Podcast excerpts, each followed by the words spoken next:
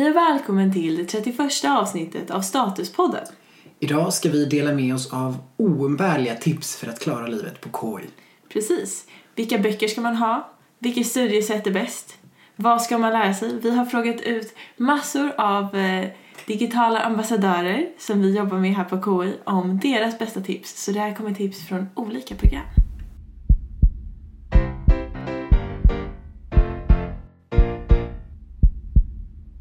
Ja, och jag vill ju säga välkommen inte bara till alla de som eh, har hittat hit på podcastappen utan även till dig Irene. Välkommen Ja, hem till mig. tack. Det är första gången vi poddar eh, utanför KI. Eller vi har poddat hemma hos dig en gång. Eller hur? Det var Så i det- början av vår Ja. karriär. Så det är god tid att jag kommer hit hem till Timo och poddar. Och jag Ja. måste säga, för er som inte ser, då, då er lyssnare, så är det en väldigt, väldigt mysig liten studentlägenhet slash Ja. korridorsrum. Det här är ett korridorsrum. Det är det hårda sättet att bo som student, tycker jag. Fast jag har det väldigt bra. Ehm, och jag har en bra kaffemaskin, så Ja. vi är lite höga på kaffein. ja, men det tror jag gör för ett roligt avsnitt. Ja, men jag tror det. Men idag så har vi eh, som sagt bäddat för ett avsnitt om saker man ska tänka på eller kan tänka på när man ska börja på KI. Och varför pratar vi om det just idag? Jo, men det är ju för antagningen har öppnat och den stänger redan om mindre än en månad till vårterminen. Precis, och då tänker vi att vi vill, både för er som redan har börjat på KI nu, som kanske inte har gått så länge, om ni vill veta lite hur man ska tänka inför de första stora kurserna, eller så vill vi bara förbereda er som spänt väntar på att få komma in, eh, genom att svara på lite frågor som vi tänkte på innan vi skulle börja på det programmet vi läser på. Ja, Så Timo, vad, vad undrade du över när du började på KI? Nej, men jag hade, jag hade jättemycket frågor. Ehm, jag kommer ihåg vi skulle åka ner till Holland och hälsa på släkten. Och jag satt i bilen och läste de här välkomstbreven på ping pong och började kolla kurslitteraturlistan och blev lite överväldigad för det var väldigt mycket information för mig som aldrig hade pluggat på universitetet förut och som kommer från en relativt liten småstad. Ehm, så jag vet inte, jag försökte typ hitta någon slags enhetlig struktur i all den här informationen. Och det var ganska klurigt. Ja, speciellt med tanke på att nu har de ju by- bytt kurswebb också. Så förhoppningsvis ska det bli lite tydligare. För jag kommer ihåg att när jag kollade igenom all den här informationen så tog det mig nog kanske en solid kvart att hitta vilken knapp jag skulle trycka på för att få mer information. Åh, älskade pingpong. Men ehm, i och med att det fortfarande kan vara väldigt mastigt när man väl börjar för att universitetet har ju massor av program som de ska rå om och de ska ut med massor av information till de som börjar. Så kan det bli väldigt överväldigande. Därför tänker vi att vi ger lite handfasta tips i den här podden på vad man kan tänka på och vilka och vi besvarar liksom några frågor som man kan ha inför skolstart. Och det här kommer då inte bara vara enbart för läkarprogrammet som jag och Timo går då utan vi ska ge lite tips för lite olika program. Yes. Ehm, Men vi kommer nog börja ganska allmänt Ja. och liksom så. Och sen så tänker jag att ehm, vi lägger in i poddbeskrivningen som man kan se lite längre ner. Om man är intresserad av speciella program så lägger vi in tidkommentarer för när man då ska scrolla fram. Så att om man inte ska börja på läkarprogrammet så kan man ju scrolla vidare till fysioterapiprogrammet till exempel. Precis. Eller om man är intresserad av alla program så kan man ju lyssna på alla tips. Och kommentera och gilla och följa oss. Mm. Shameless self-promo. Yes. Yes. Nej men säg det, ska bara sätta igång. Ja, och då tänker jag det viktigaste första tipset som jag tror det här var nog jag mest orolig över. Och det var att alla skulle vara så himla duktiga, alla skulle vara så pålästa, man behövde gå på allt, man behövde göra allt. All studieteknik som alla andra gjorde var den bästa och det man själv visste funkade kanske inte riktigt var rätt. Mm. Men hur är det Timo? När man ska hitta sitt studiesätt? Hur, hur gör man det liksom? Den frågan är jättesvår. Men det enda som gäller är ju att man måste prova. Mm. Och inte vara stressad över att hitta utan man har tid att hitta ett sätt som passar. Ja. Ehm, och det gäller liksom alla program. Och de flesta har ju med sig gymnasie, eller alla har med sig en gymnasieutbildning i bakgrunden så alla kan plugga. Precis. Och det jag skulle vilja säga är att om man har en studieteknik som funkar så kan man jättegärna utgå från den. Man behöver absolut inte eh, eller så här, man får ha det lite nyanserat som de gillade på gymnasiet. Man ska både lyssna på personer runt omkring en som det går bra för Mm. på deras studieteknik men det är inte A och O. Nej. Utan man ska gärna testa ut lite själv, se vad som funkar. Vissa saker som man hade med sig från gymnasiet kanske funkar jättebra. Vissa saker funkar inte bra. Men det är absolut ingen stress och det är ingen måste. Vissa personer behöver gå på alla föreläsningar för så lär de sig bäst. Vissa personer behöver gå på vissa föreläsningar.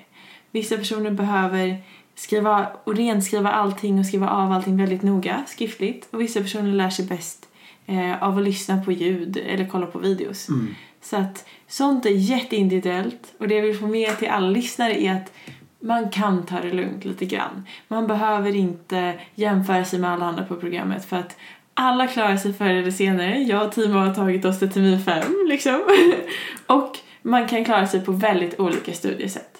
Verkligen. Och det vanligaste tipset som man brukar få av äldre kursare är ju att man ska plugga i grupp. Ja, Ehm, och det finns det ju såklart, det säkert jättebra.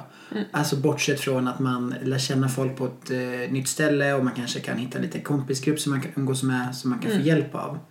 Men man ska inte liksom låsa fast sig i att det är helt omöjligt att plugga om man inte hittar eh, en grupp att jobb- jobba tillsammans med. Till exempel, det, var, alltså det finns massor av de sortens tips. ja, Um, som man får ta med en nypa salt. ja. Mm. Och samtidigt så plugga grupp är ju också kul för då lär man sig av varandra. Så att man får testa sig fram och så blir det bra tror vi. Ja. Men eh, nu tänker jag att vi måste trycka på pausknappen för min tvätt ska bytas. Så vi kommer tillbaka om typ 10 min. Okej, då är jag tillbaka. Var var vi var någonstans? Ja, vi har ju nu pratat lite om hur man ska tänka när man pluggar på, alltså i programmet, när man väl har börjat så här, hur ska man tänka för att hitta sitt studiesätt? Men det vi också kan gå igenom, som vi har fått ganska mycket frågor om, är plugg inför att börja universitetet. Mm. Hur ska man tänka där, Timon? Ja, men vi kan väl börja med att dela upp tanken i två, tänker jag. En är ju om man eh, kommer direkt från gymnasiet och har, eller basåret eller vad man nu har gjort innan och har allting ganska färskt. Och en annan är om man kanske har haft lite mer tid emellan och gjort annat Ja, Ehm, och det ligger liksom lite längre bak i någon damm, dammig skåplucka. ja, Ehm, och jag tänker generellt sett så ska du inte behöva repetera så mycket inför eh, kursstart. Även om kurserna gärna vill det. Alltså de skriver det i sin information men ta det med en, en rejäl skopa eh, salt. För tanken med universitetet är att har du gått en gymnasieutbildning innan som gör dig behörig för programmet, vilket alla som har kommit in på programmet måste ha gjort, Ja. Då har du de förkunskaperna som krävs. Mm. Och sen kommer du bli lärd det du behöver för att klara programmet på programmet. Mm. Antingen genom att det finns föreläsningar på det eller att det rekommenderas andra källor som du kan ta in informationen själv. Ja, och i de allra flesta kurser så har man ju tid också att, att repetera när man märker att oj, jag kanske behöver tänka lite mer på hur det här låg, hängde ihop nu igen. Ja, men då har man tid att fis, fre, flå, färska upp det minnet då. Ja. Ursäkta för det. Ja, och ehm, inför kursstarten, om man då kanske inte har gymnasiekunskaperna särskilt färskt, kan det vara att rekommendera att bara bläddra igenom dem. Mm. För det är mycket som bygger på den här gamla gymnasiekunskapen. Mycket kommer igen, men det är en del som återkommer. Mm. Och då kan det vara skönt, bara för ens egen skull, att bara ha det så att det sitter. Ja. Men med det sagt behöver man inte lusläsa biologi 2 eller kemi 2 utan mer att man har ett hum om de stora processerna och hur saker funkar. Precis. Och att man kanske är bekant med de vanliga begreppen så att man inte sitter som ett frågetecken på föreläsningarna. Precis. Eh, Men förutom det. Däremot tycker jag det är annorlunda när man går från en termin till en annan och det är ett långt sommarlov emellan. Ja. Ehm, För till exempel som vi har nu på termin 5, de sätter igång direkt. Då är det ingen mjukstart. Nej. Men i början av ett helt, ett helt program, termin 1, då brukar det vara lite upptakt. Ja, kanske inte en mjukstart som man hade på gymnasiet när det var åh, hur var alla sommar och vi har en första dag när vi bara pratar om roliga saker. Men det kommer en del föreläsningar där man känner igen en del från terminen innan och de ger en lite tid. Det brukar inte alltid komma ett seminarium första dagen utan det finns tid för att plugga in och skol och kursledningar är inte omöjliga. Mm. Det ska man också komma ihåg att saker är ju gjorda för att folk ska kunna klara dem. Och så många, jag kan tycka att det finns en trygghet i att tänka att så många personer går i terminerna över en och att så många personer har klarat det, sig igenom samma sak. Mm. Men det här är ju ett typiskt ämne som många av våra eh, digitala ambassadörkompisar har gjort inlägg om på sina Ja. bloggar. Um, eh, Isabelle till exempel som läser termin 7 nu på läkarprogrammet. ehm, och hon svarade också på det här. Ska man läsa in liksom inför skolstart? Och, och hon svarar kort och koncist nej. Men tipsar hon också om du ändå vill plugga i förväg så kan du titta på typ Khan Academys videos. Precis, färska upp koncept. Inte liksom kunna rita glykolysen utan Nej. till. Precis. Och det vi också kan rekommendera är att böckerna, all kurslitteratur, allt som rekommenderas att ha under terminen, ha inte för bråttom. Det är ingenting ni måste läsa på inför kursstart, utan Nej. det här är verktyg och hjälpmedel som kursledningen rekommenderar under kursen. Mm. Så ha inte bråttom när ni har kommit in att ni måste läsa på allt som står på den här kurslitteraturlistan för att förstå någonting under terminen. Ja, Nej, nej. nej. Eh, och angående böcker, det är lite efter smak och tycke. Mm. Verkligen. Eh, Ehm, och vi, vi, kan, vi kommer gå igenom lite, just för läkarprogrammet specifikt, i slutet av avsnittet, eh, lite tips på hur vi tänker kring böckerna kring termin 1 som står på listan. ja, Men på det du sa nu, för vi har som sagt samlat ihop tips från våra kollegor och eh, tandläkarstudenten Avas som eh, går termin 6 nu. Hon tipsade också om det här i somras i ett inlägg att njut av tiden på sommaren, var ledig, var utvilad framför allt. Och det är väl ett superbra tips? ja, för om man har lyssnat på det finns en del bra sommarprat om hur man ska maximera sin hjärna. Det finns en massa böcker man kan läsa och de säger oftast att det är minst lika viktigt att ha en bra sömnrutin, ha en bra träningsrutin och vara mentalt och fysiskt redo och utvilad inför terminen. Lika bra som om man har suttit några timmar med en bok Ja. inför terminstart. Då. Precis. Nej, men för det är ju ändå tre för många program, fem för vissa, fem och ett halvt för vårt. Som man ska ta sig igenom. Det finns ingen anledning att, att stressa på det ytterligare i förväg. Mm. Nej. Liksom.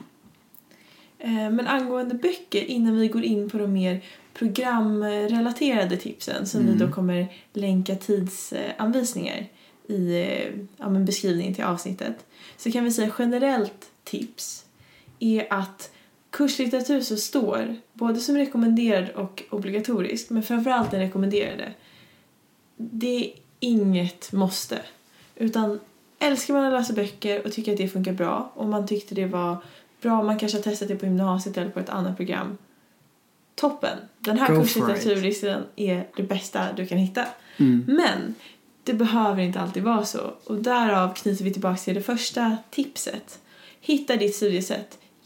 Funkar det inte för dig att läsa in en massa, då kanske powerpoints är bättre. De Mm. innehåller mer bilder, de kan vara mer informationsrika. Funkar inte det, det finns videos. Ehm, Det enda man kan säga om de här eh, obligatoriska kurslitteraturlistorna är att då har kursen faktiskt gått in och kollat så att du kan lära dig det som kursen förväntar sig av dig från de här källorna. Och när man kollar i egna källor så ska man vara lite försiktig och se till att man får med sig allting som kursen vill att man ska lära sig. Mm. Och det som man märker också är att många föreläsare använder bildmaterial från den obligatoriska kurslitteraturen. Så man kommer känna igen sig på föreläsningar och se deras powerpoints och sen så ser man samma bilder i boken med en förklaring. Så det kan ju vara en fördel. Ja, Men det är precis som du säger, ordet obligatoriskt har ju verkligen inte alls en, den betydelsen när det gäller kurslitteratur. Nej. Det är Men när frivilligt på sin höjd. Ja, men när det gäller seminarium och typ lektioner och så, då är obligatoriskt obligatoriskt. Ja, ja. Annars, står det obligatoriskt i schemat så betyder inte det frivilligt. Nej, nej. Nej. Den kan vara bra att gå igenom. Och det sista är då, som vi skulle vilja berätta som är allmänt, nu när vi har sagt att det finns obligatoriska delar i schemat, då betyder det väl också att det finns icke-obligatoriska delar i schemat. Mm. Och det är olika på olika program hur mycket obligatoriskt det är. Men det finns en del delar av programmet där man kanske inte behöver gå på alla föreläsningar eller snarare man måste inte gå på alla föreläsningar. Sen är jag nog en person som föredrar att gå på alla föreläsningar för jag tycker att det är lite gratis info, man slipper Ja. plugga aktivt vilket är ganska skönt för min del. Men som sagt, står det inte obligatoriskt så är det inget tvång på att du är där. Universitetet är mycket eget ansvar. Mm. Eh, nej, men framförallt i början av ett program så är ju föreläsningarna fyller en annan funktion än Mm. bara ren faktaförmedling eftersom du kommer träffa kursare där. Ja, Och de träffar du inte hemma om du inte råkar bjuda in alla på ett eh, liksom, gruppluggmöte. Men det är väl inte jättemånga som bjuder in 180 pers. Ehm, Så bara av den anledningen, gå på föreläsningar. Kanske i alla fall de på förmiddagen. Mm. Och tycker du inte att det är förut någonting om de på eftermiddagen, nej men gå hem eller sitt på biblioteket och plugga. ja. Verkligen. Ehm, och nu har jag sagt sista tipset här flera gånger, men man kommer ju på fler eh, ju längre man går. Men det sista jag ska säga är att det är en stor skillnad för gymnasiet, speciellt för er som kommer direkt från gymnasiet, och det här gäller alla program, eh, så är det mycket mer eget ansvar. Mm. Eh, det är inte alls samma nära relation till lärare oftast på program på universitetet. Och det är inte alls samma skyddsnät ska man säga om man inte klarar sig. Utan det är ett eget ansvar att man ser till att man fyller upp alla kriterier som kursen har. Ehm, och klarar man inte det så finns det ju fler chanser och det är klart att det finns hjälp att få. Mm. Men det är ens aktiva eh, sökande efter den hjälpen som kommer ge en den hjälpen. Utan eh, har man inte pluggat så har man inte pluggat och har man pluggat så kommer det gå bra. Ja. Och för att spinna vidare lite på den bollen. ehm, det är väldigt svårt, eh, framförallt om man har stora kurser som man har i början på läkarprogrammet till exempel, att läsa in dem över en helg. Ja. Så det ändå, kan ändå vara klokt att börja plugga i tid även om man vet att man presterar bäst under lite press kanske, att det är en analkande tenta. Men det, det, det blir mastigt att dubbelplugga om du liksom börjar tappa en tenta och så måste du plugga till två. Och dessutom så finns det ju på de allra flesta program spärrtentor. Precis. Ehm, och det är ju tråkigt att bli spärrad även om eh, det är inte hela världen Nej. och man kommer klara sig ändå.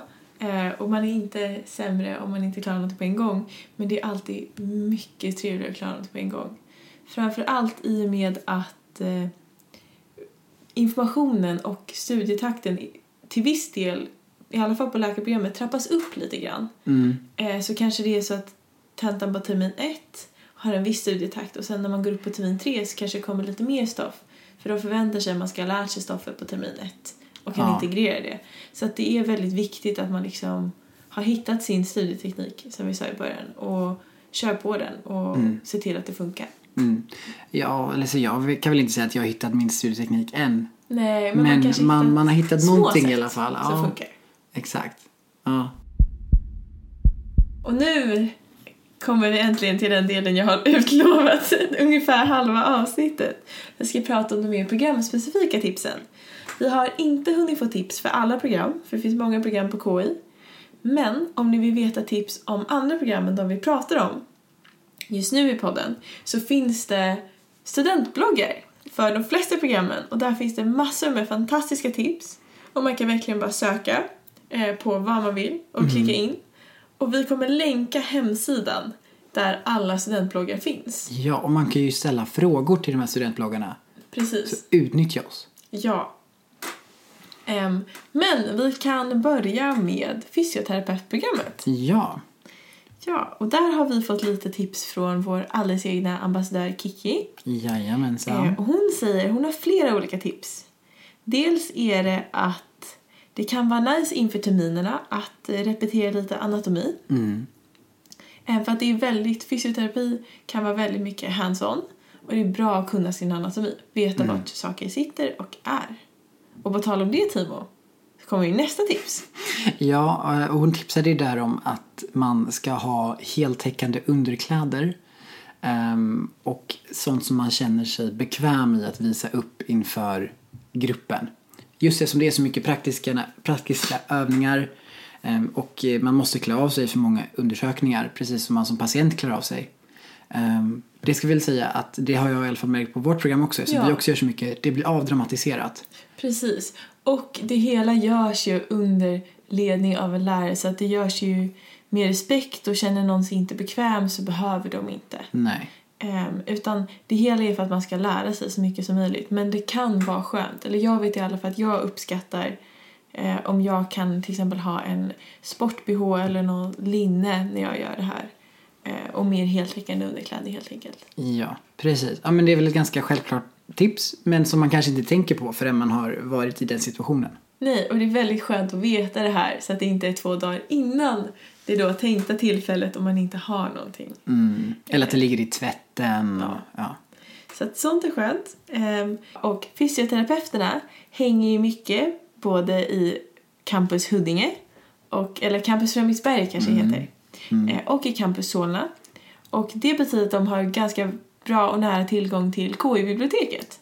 Och på KI-biblioteket tipsar Kiki om att det finns eh, böcker att låna, speciellt kurslitteratur. Och fysioterapeutprogrammet är ett så pass stort program att det oftast brukar finnas kurslitteratur om man är ute i god tid. Så man kan låna hem, kika igenom och sen bestämma sig kanske hemma om man vill köpa boken eller inte om man tycker att den passar. Så det är ett bra råd. Precis, men du nämnde ju där storleken på programmet. Ja. Om det är en väldigt liten kurs så kan det ju vara så att det bara finns ett exemplar av en kurslitteratur, alltså en kursbok. Men i regel så ska biblioteket ha alla böcker som är obligatoriska på kurslistan så man kan faktiskt eh, utnyttja dem också. Mm. Men ibland, till och med på det programmet vi går på, läkarprogrammet, kan det bli lite survival of the fittest. Vilka som får de mest attraktiva kurslitteraturen Yes. i början på terminen. Ja. Men det går alltid att hitta. ja. Och tänk då på att det är ändå böter om du inte lämnar in i tid och eh, om du lämnar in en daglång bok tre dagar för sent så blir det ganska mycket. Ja. Yes. Ska vi gå vidare till audionomprogrammets tips? Ja, för där handlar det också lite om böcker. Audionomprogrammet är ju då ett lite mindre program än både fysioterapeutprogrammet och läkarprogrammet. Och då betyder det att ibland har de viss kurslitteratur som kanske inte är så lätt att få tag på. För det finns kanske inte så många som pluggar det, eller just de kurserna. Och då betyder det att man måste beställa kurslitteraturen i god tid om man vill ha den. Så där kan det vara lite tvärt emot mot vad vi har sagt. Att det kanske inte är lika nice att ja, men, gå hem, läsa på lite, vänta med att beställa som jag brukar gilla att göra. Ja. Utan där kan det vara bra att man kollar upp kanske i förväg. Kommer jag gilla den här boken? Är den bra? Ska jag beställa den? Speciellt om det är kanske tre veckors leveranstid. Exakt. Så vi tackar den digitala ambassadören Bosika som går Audiono-programmet termin 3 för det tipset. Och har man då specifika frågor kring de här mindre programmens böcker, eh, jag tänker Audionom-programmet, Optiker-programmet och sådär, då kan det vara tips att kontakta digitala ambassadörerna eller eh, studievägledaren på KI. Ja. För de kommer eh, förmodligen eller definitivt kunna svara på era frågor. Yes, de kommer definitivt ta reda på svar i alla fall. Ja. ja. Okej, det var de två programmen. Sen hade vi ju faktiskt eh, jättefina tips från eh, vår kompis Felicia som Ja. pluggar till eh, psykolog. Henne känner ju alla, alla ni lyssnare till, det är jag helt övertygad om. För hon har varit med i vår podd ett par gånger under året. Ehm, hon tipsade kanske lite mer generellt, men vi tar upp det här under psykologprogrammet ändå. ja. Ehm, och hon vill bara förmedla till alla er att det inte finns någonting som heter att du ska eller att du måste eller att det förväntas av dig eller att du bör göra allt hela tiden, varje dag. Ehm, och hon säger att hon har fått en del frågor om det i sin blogg. Ehm, så du behöver inte läsa på om allt. Läs hellre på om de stora koncepten. Om eh, kursen är snäll och servar dig med instuderingsfrågor inför tentan så betyder inte det att du måste göra alla instuderingsfrågor för att klara tentan. Det är bara liksom en liten hjälp på vägen. Ehm, Och i sann eh, psykologiprogram-anda så kan det här även appliceras på resten av livet, tänker jag, och på det psykiska måendet. Ehm, för att det här kan ju också appliceras på om man behöver göra allt i livet samtidigt också. Ibland kanske det kommer vissa veckor där man inte hinner plugga allt, inte hinner träna de passen man vill, inte, hin- inte hinner hänga med kompisarna de tider man vill. Och det är okej, man ska inte behöva hinna med allt hela tiden och det är bra ibland att känna sina egna gränser och tänka att idag vill jag ta ett träningspass för mitt egna mående eller idag vill jag göra klart det här seminariet för det stressar mig. Ehm, så att det är ett bra generellt tips. Man behöver inte göra allt eller förväntas göra allt hela tiden. Mm. Mm. Jag tycker det är ett jätterimligt tips. Eh, så här. på slutet av vårt avsnitt. Ja. Eh, och vill man ha mer handfasta tips från psykologprogrammet så kan man ju även gå in på Felicias blogg för hon är också digital ambassadör. Mm. Och som sagt, det hittar man då på ki.se och vi länkar till det i beskrivningen. Men nu tänkte vi faktiskt avsluta eh, i vår egen lilla läkarprogramsanda och Ja. gå igenom något som jag vet att många är nyfikna på och det är nämligen böcker till termin 1. Ja. Och det kan ju verka som att det är en massa böcker. Det är en massa böcker Och en som står på listan. dyra böcker. Väldigt dyra böcker. Och då tänker man, ska man köpa in allt? Måste man hinna läsa allt? Hur många sidor är det? Jag har aldrig läst så här mycket. Inte ens på sommaren innan Nej, universitetet. nej. Ehm, Men vi kan väl, jag har skrivit upp dem som eh, jag kom ihåg. Eh, Som jag, Ja. Sen finns det ju fler på listan som är mindre viktiga. Men Ja. det börjar ju med lite cellbiologi. Och Ja. då finns det olika cellbiologiböcker. Och den rekommenderade och obligatoriska som jag tror att alla köper på KI i princip är Essential Cell Biology. Ja. Sen kan man vara lite, ja, kalla, vad det, kalla det vad man vill, pretentiös som jag och köpa liksom mamman till den eh, något komprimerade boken Molecular Biology of the Cell. Och den ser väldigt fin ut i bokhyllan Det är, därför jag, det är därför jag köpte den. Oh, jag var också väldigt frestad just på grund av det. Men Vet du hur mycket jag använt i den boken? eh, nej. Ett uppslag. Och det är, ja, eh, Hur mycket har du använt pärmen av boken i bokhyllan? eh, ja, men den tittar jag på varje dag och känner mig duktig. Så jag menar, jag har fått value for my money så att säga. Ja, så kan man också Ja. vara. Ja. Så där kan man säga, man behöver inte liksom skjuta högst och köpa de allra mest dyra och tjockaste böckerna för att det är mycket du ska hinna lära dig. Du kommer inte hinna lära dig allt och bli expert på allt. Sen har vi histologi. Ja. Eh, Och det är för de, de som inte vet, det är när man tittar på olika celler och vävnader i ett mikroskop. Och Ja. liksom ser hur det ser ut morfologiskt, alltså rent utseendemässigt. Precis. Och för histologin så kanske, i alla fall i början på termin ett, så har man inte så fruktansvärt mycket histologi. Man har lite grann, det kommer på tentan eh, i kursen Den friska människan 1. Men det är mer i Den friska människan 2 som histologiundervisningen verkligen tar fart. Ja. Så om man känner att histologiboken inte är nödvändig termin 1 kan det ändå vara en viktig grej att omvärdera till termin 2 när det kommer mer histologi. Ja. Så så kan man tänka med alla kurslitteraturlistor. Eh, ibland kan det vara att en bok känns ovärd att köpa vid en termin men det kan vara värt att höra med äldre kurser om den kommer åter. Precis. Och då kanske man tycker att den är värd, eller inte. Jättebra tips.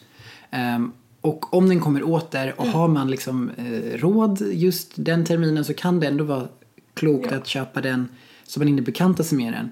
Men om det kommer till exempel en ny upplaga så kan det vara värt att vänta. Så det finns lite olika liksom, avvägningar man kan göra faktiskt. Ja. Men prata med era äldre kursare för de har oftast gjort de här avvägningarna redan. Ja. Och eh, med det sagt, det brukar oftast finnas en rekommenderad obligatorisk bok eh, i det man läser. Eh, till exempel så tror jag att den heter Lippincotts Illustrated Biochemistry. Tror jag är den eh, utvalda boken för ehm, Biokemi. termin 1 och undervisning i biokemi. Men i resterande del av listan så kommer det fler biokemiböcker under den rekommenderade icke-obligatoriska litteraturen. Ja. Eh, Det är för att KI har gett er eh, då tips på andra böcker. Om man då inte gillar Lippincott-boken så finns det andra böcker där man kan tillgodogöra sig samma information. Och det kan vara så att föreläsaren använder bilder från de böckerna också. Ja. Med det sagt behöver man inte tre upplagor av en biokemibok. Så det är kanske också skönt att veta att man behöver inte ha hela den listan utan Ja. vissa böcker tar upp samma sak. Och man kan välja lite efter eget tycke och smak. Ja, Eh, För där har vi till exempel eh, bok nummer tre som är eh, eh, fysiologi, alltså hur den friska människan eller friska kroppen funkar. precis. Så den obligatoriska heter Borombolpep. Ja, Men sen finns det andra som är Rhodes and Bell till exempel. Mm. Och de är väldigt olika i sitt upplägg och hur mycket de liksom fumlar iväg på mer eller mindre viktiga detaljer. ja. Och det är hur man är som person. Ja, vissa gillar att sätta sig in i långa texter och sen kanske förstå någonting så. Medan vissa gillar kanske mer punktformad information. Att det ska vara lite kort och koncist. Mm. Och det är skönt att veta att då kan man gå igenom listan, kanske låna hem lite olika exemplar. Eller bara gå och bläddra i dem på biblioteket. Och sen bestämma sig. Precis. Okej, vi går vidare till anatomiundervisning då, nu termin Ja. ett. Då har vi ju tre stycken böcker som vi, jag, jag tänkte vi skulle prata om. Ja. Det första är en anatomiatlas. ja. Vill du förklara bara lite kort vad det är? Eh, Det är en stor fin bok oftast med en massa bilder på anatomiska strukturer. Och så står det oftast väldigt kort och koncist namnet på dem. Yes. Inte så mycket mer. Nej. För vill man ha mer, då kan man köpa en anatomisk textbok.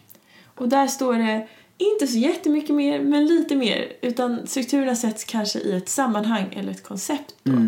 Att jaha, de här tre musklerna sitter på rotatorkuffen. Exakt. Ehm, och sen har vi en svensk bok som heter Anatomisk bildordbok. Ja. Och den tipsade Kiki också om till fysioterapistprogrammet för övrigt. Ja, Men den är fruktansvärt bra tycker jag. ja. Och den är mer som en uppslagsbok där du kan slå upp ett svårt ord som du kanske har hört. Och där står en kort beskrivning och så finns det en bild på den i relation till andra strukturer. Precis. Och den är i alla fall rekommenderad och obligatorisk. Jag tror inte den är obligatorisk. Det får vi låta vara osagt, det får man kika upp. Okej, det får man kolla upp på Ah. läkarprogrammet också. Och den kan vara väldigt bra att skaffa för flera olika terminers Ja. anatomiundervisning. Och nu jobbar jag som anatomitutor och då har jag alltid med mig den i fickan. Så när jag undervisar anatomi så tycker jag den är jättesmidig att ha med sig. Ehm, så den skulle jag rekommendera. Textboken skulle jag nog köpa sist av de tre. Utan jag skulle köra Atlas, för det är många olika bilder, du får se saker ur olika perspektiv blir det nästan. Sen anatomisk bildordbok och sist textboken. Ja. För undervisningen är tillräckligt bra. Som du får på föreläsningarna. Ja, och med det sagt så har vi bara sagt atlas och textbok. Det kan ju vara lite svårt. Det finns många olika märken eller liksom författare till Ja. dem. Och det är också lite tycke och smak. Det finns en som är obligatorisk och rekommenderad på KI. Eh, den är bra, funkar jättefint. Medan vissa föredrar andra och det finns några stycken i Medicinska bokhandeln, både den i Flemingsberg och den i Solna. Yes. Och där är det också återigen bläddra, här kan du kika på bilderna, välja. Mm, precis. Men med det så tror jag faktiskt att vi är väldigt nöjda med det här avsnittet. som blev lite längre än vad våra avsnitt eh, brukar vara. Vi är uppe i 33 minuter snart. Ja. Men vi Ehm. hoppas ändå att ni fått en massa matnyttig information inför Yes. terminen. Och vi har gjort en jättehärlig planering för den här terminen. Vi kommer ha många spännande avsnitt fram emot. Ehm, till exempel kommer vi prata med kollo-ordförandena för läkarprogrammets internat, ehm, om kollot som precis har varit och om det som kommer i, i eh, januari. Så det ska bli superspännande. Ja, så se till att inte missa det. Men med det sagt, det här var Irene. Det här var Timo. Och, du har lyssnat på Statuspodden. Jag tyckte att det var